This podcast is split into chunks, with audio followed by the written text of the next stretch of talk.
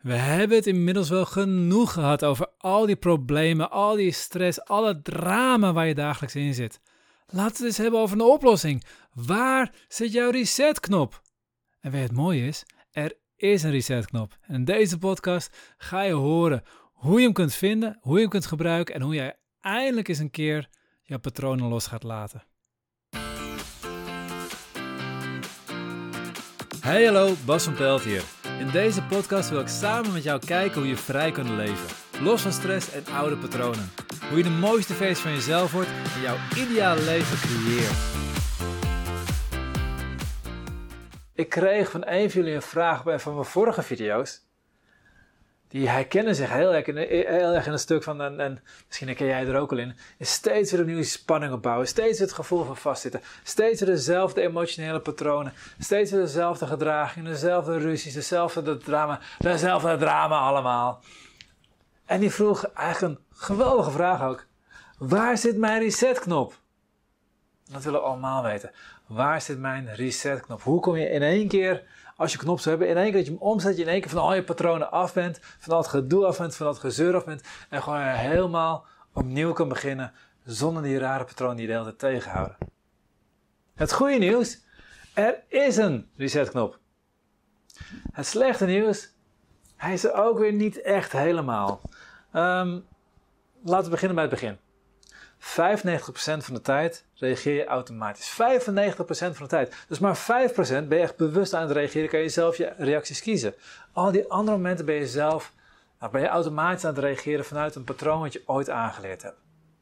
En dat is heel breed. Het is dat je, je ziet iemand lopen en je hebt meteen een idee of je het leuk vindt of niet. Je ziet een groep jongeren buiten staan en je hebt meteen een idee van nou, daar ga ik naartoe of daar ga ik er net omheen lopen. Je hoort een bepaald woordje en je hebt meteen een bepaalde mening bij het woord. Ik zat vanochtend in een koffietentje. Ik zag een man zitten, die zat op een bepaalde manier op zijn, naar zijn telefoon te kijken.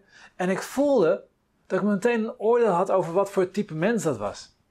En waarom was dat? Hij keek op een bepaalde manier en ik kon hem ook terugvoelen. Ik heb herinneringen aan een paar mensen die op een bepaalde manier gedraagden. Een beetje dominant, een beetje afkeurend en, zo keken. Die mensen, deze persoon deed me daar aan denken. Maar heb ik gelijk over deze persoon? Idee, misschien helemaal niet. Maar het is gewoon een automatische trigger, automatische beoordeling die, ja, die getriggerd werd alleen maar door de situatie waar ik op dat moment in zat. 95% van de tijd reageer je automatisch. Om nog één voorbeeld te geven, dan gaan we naar de oplossing toe, dan gaan we naar die resetknop toe. Mijn grootste patroon waar ik altijd tegenaan gelopen heb, is zichtbaar willen zijn en vervolgens niet willen dat iemand er iets van vindt. Dus ik wil veel meer mensen bereiken. Ik wil, ik wil de hele wereld veranderen. Ik wil met mijn marketing wil graag miljoenen mensen bereiken. Dus in die zin, als je deze video leuk vindt, geef een duim omhoog. Laat even een reactie hieronder, wacht, uh, hieronder achter. Dan kan ik namelijk weer meer mensen bereiken. En dat vind ik ontzettend gaaf. Maar tegelijkertijd ben ik steeds tegengehouden door mijn patroon dat ik niet wil dat mensen iets van me vinden. Ik was bang dat mensen iets negatiefs van me zouden vinden. Dus toen ik voor het eerst ging ondernemen en mijn fysiotherapiepraktijk ging promoten bij mijn eigen huisarts toen de tijd, in Amsterdam was het nog. Ik ben naar mijn huis toe gegaan. Ik heb gezegd: ja, ik ben nu ook uh, bezig als fysiotherapeut. Je kan naar mij doorverwijzen. Ja, sorry, heb ik geen zin in. Ik heb hier ook geen tijd voor. Is hij boos weggelopen? Of eigenlijk, hij kwam wat geïrriteerd over. En het kan misschien gewoon druk geweest zijn. Maar ik heb het geïnterpreteerd als hij vindt mij stom. Dus ik ben naar huis gegaan. Ik ben op de bank gewoon zitten, gaan zitten huilen van... Het gaat nooit goed komen praktijk. Ik ga nooit iets bereiken. Een aantal jaar verder, mijn boek komt uit. Als je meer wil weten van boek trouwens, klik even op dit i'tje. Ik vind het super leuk als meer mensen kan bereiken met het boek. Dus vandaar dat ik toch een beetje aan het promoten ben. Anyway, mijn boek komt uit. En de dagen daarvoor, ik ben in de week daarvoor gewoon twee dagen ziek geweest. Ik heb koorts gehad, ik lag op bed. Allemaal fysieke reacties vanuit het patroon van, oh jee, mensen gaan het van me vinden. Oh jee, mensen gaan het lezen en die gaan er iets van vinden. Vreselijk, eng, oeh, moet ik niet hebben. Inmiddels meer dan 8000 boeken verkocht.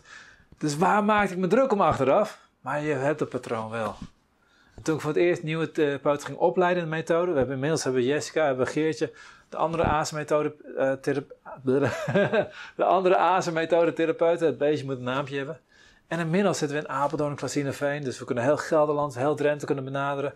Ik kan vanuit Alkmaar heel Noord-Holland benaderen. Dus we kunnen veel meer mensen bereiken. Maar ik voor het eerst ging promoten onder andere acupuncturisten van jongens, ik heb een methode ontwikkeld.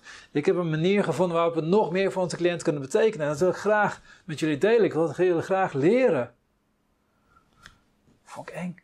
En bij de eerste negatieve reactie heb ik ook meteen een bericht weggehaald. Ik denk van nou laat me zitten, het nooit wat worden. Stom hè? Maar dat is hoe patronen werken. Dat is hoe patronen je tegen kunnen houden ook. En zo kom je steeds weer in hetzelfde patroon te zitten. Tenzij je die resetknop vindt. En daar zou het over hebben. Ik zei, er is een resetknop.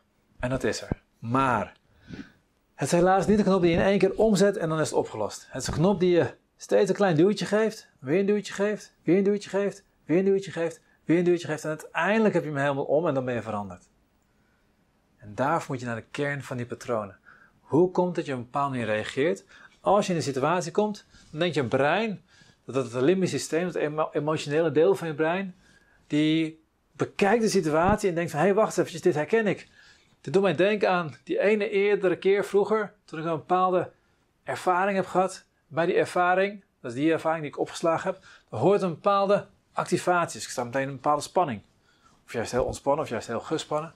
Er hoort een bepaalde emotie bij. Dus ik schiet ook meteen in die emotie. Er hoort ook een bepaalde manier van denken bij. Dus schiet ook meteen in die manier van denken. Dus vervolgens schiet ik ook meteen activatie, emotie, denken bij elkaar in een bepaald gedrag. En waar we naartoe willen is naar die kern. We willen bij die allereerste ervaring wel kunnen loslaten, wel kunnen veranderen. Die emotie mag eruit. Je mag die kern gaan zoeken. En die knop is heel simpel. Er is maar één manier om bij die kern te komen. En dat is dit. Ja, je hoort het niet, maar de knop is stilte namelijk. Dus ik kan het niet zeggen tegen. De knop is stilte. Echt de stilte opzoeken. Echt naar jezelf opzoeken. Weet je wat het is? Als je, even hoe ons brein evolutionair gevormd is. Als je over de savanne loopt en er gebeurt iets heftigs. Een van mijn kinderen wordt opgefroten door een leeuw. Best heftig. Op dat moment kan ik gelukkig mijn emoties onderdrukken, mijn tweede kind pakken, wegrennen. En op het moment dat ik veilig ben, dan pas, dan kan die emotie eruit. Dan kan ik die ervaring een beetje loslaten. Kan ik de lading eraf laten gaan, waardoor ik los kan komen van een patroon dat ik op dat moment heb aangeleerd.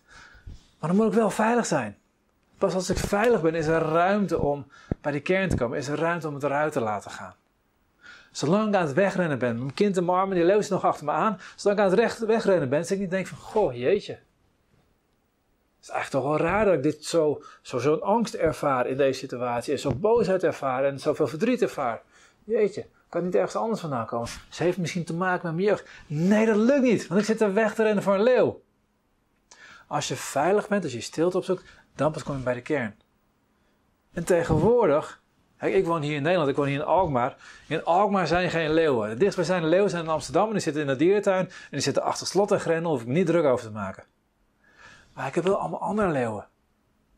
Ik heb namelijk deadlines, ik heb namelijk verplichtingen. Ik moet video's maken, ik moet advertenties maken, ik moet cliënten uh, helpen. Ik heb eh, morgen weer een paar allemaal cliënten. Die moet ik ook wel goed behandelen. Dus ik moet ook wel zorgen dat ik een beetje fit ben, dat ik een beetje gezond ben. Moet ik ook nog gaan werken. Ik moet nog een beetje sporten in de tussentijd. Uh, ik heb nog allemaal boeken die ik moet lezen. Moet ook nog allemaal gebeuren. We gaan een keuken verbouwen. Moet ook nog dingen voor geregeld worden. Ook moet boodschappen nog doen. En, en, dan heb ik ook nog kinderen. Die moeten ook nog gehaald worden, gebracht worden. En ah! Allemaal leeuwen. En allemaal zorgen voor dat ik continu aan het rennen ben. En dan kom ik thuis, heb ik de hele dag gerend. En wat ga ik doen? Ga ik de tv aanzetten? Ga ik bijvoorbeeld een film kijken, als nog, nog, nog erger, een spannende film waarbij alles gebeurt en mijn brein staat meteen weer helemaal aan, want oeh, spannend, dit gebeurt, dat gebeurt. Ik zit het puntje van mijn stoel. Ben ik weer niet de stilte aan het opzoeken. Ik ben aan het afleiden, ik ben me niet aan het ontspannen. Er zit een verschil tussen afleiden en ontspannen. Maar goed, we gaan die knop omzetten. Dus wat je mag doen, is gewoon op zoek gaan naar de stilte. Daar begint het mee. En elke keer als je die knop een klein stukje omzet, elke keer als je stilte opzoekt, kom je een stukje dieper bij jezelf. En hoe vaak je het doet, hoe verder die knop omgedraaid wordt. En de eerste keer een klein stukje, dan weer een klein stukje, weer een klein stukje, weer een klein stukje, weer een klein stukje, weer een klein stukje. Uiteindelijk heb je de knop helemaal omgedraaid. Super makkelijke oefening. Eén keer per dag volledige stilte opzoeken. Doe het voor het slapen gaan. Lig je toch al in bed, ga dan de volledige stilte opzoeken. En het mooie is, zelfs al Ga je om drie uur s'nachts naar bed, dan moet je om zeven uur s ochtends alweer opstaan. Dan heb je maar vier uurtjes om te slapen. Dan nog ga je die oefening doen. Want doordat je die oefening doet, doordat je stilte opzoekt, ontspan je ook veel meer. Waardoor je vervolgens veel meer waarde uit je slaap haalt. Dus veel meer effectieve slaap hebt. Ondanks dat je een half uurtje korter slaapt misschien, heb je wel veel effectievere slaap. Dus je haalt er veel meer resultaat uit. Dus het is altijd, heb je tijd om die oefening te doen. Hier komt de i'tje in beeld staan, rechtsbovenin. Klik erop, dan ga je naar een andere video, dat is een meditatie. Dat is een geweldige oefening om mee te beginnen, om weer bij je lichaam te komen, die stilte te vinden, om je lichaam te ervaren, om helemaal dieper in ontspanning te komen. En dat is stap 1. Hoe vaak je dat gaat doen, hoe meer spanning omlaag gaat komen, hoe makkelijker weer het ding gaat herkennen van jezelf.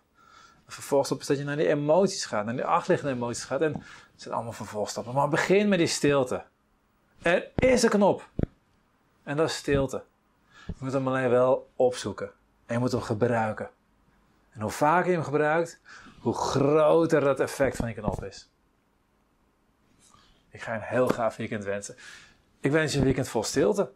Ook met leuke dingen, gave dingen, lekker bezig zijn, lekker uit eten, verzin het allemaal maar. Maar vooral ook een paar stukjes, een paar, maar een paar kleine momentjes, maar even dat je je tijd neemt voor stilte. Dit was de podcast voor deze week. Ik ben heel benieuwd wat je van deze podcast vond. Geef in je app even een duimpje omhoog en laat een review achter. En als je een Android-telefoon hebt, dan hebben de meeste apps geen review-mogelijkheid. Ga dan naar de link in de beschrijving bij de podcast en laat daar een review achter. Ik vind het super als je dat doet, want je helpt ons enorm op die manier om meer mensen te bereiken. Tot de volgende keer en op jouw vrije leven.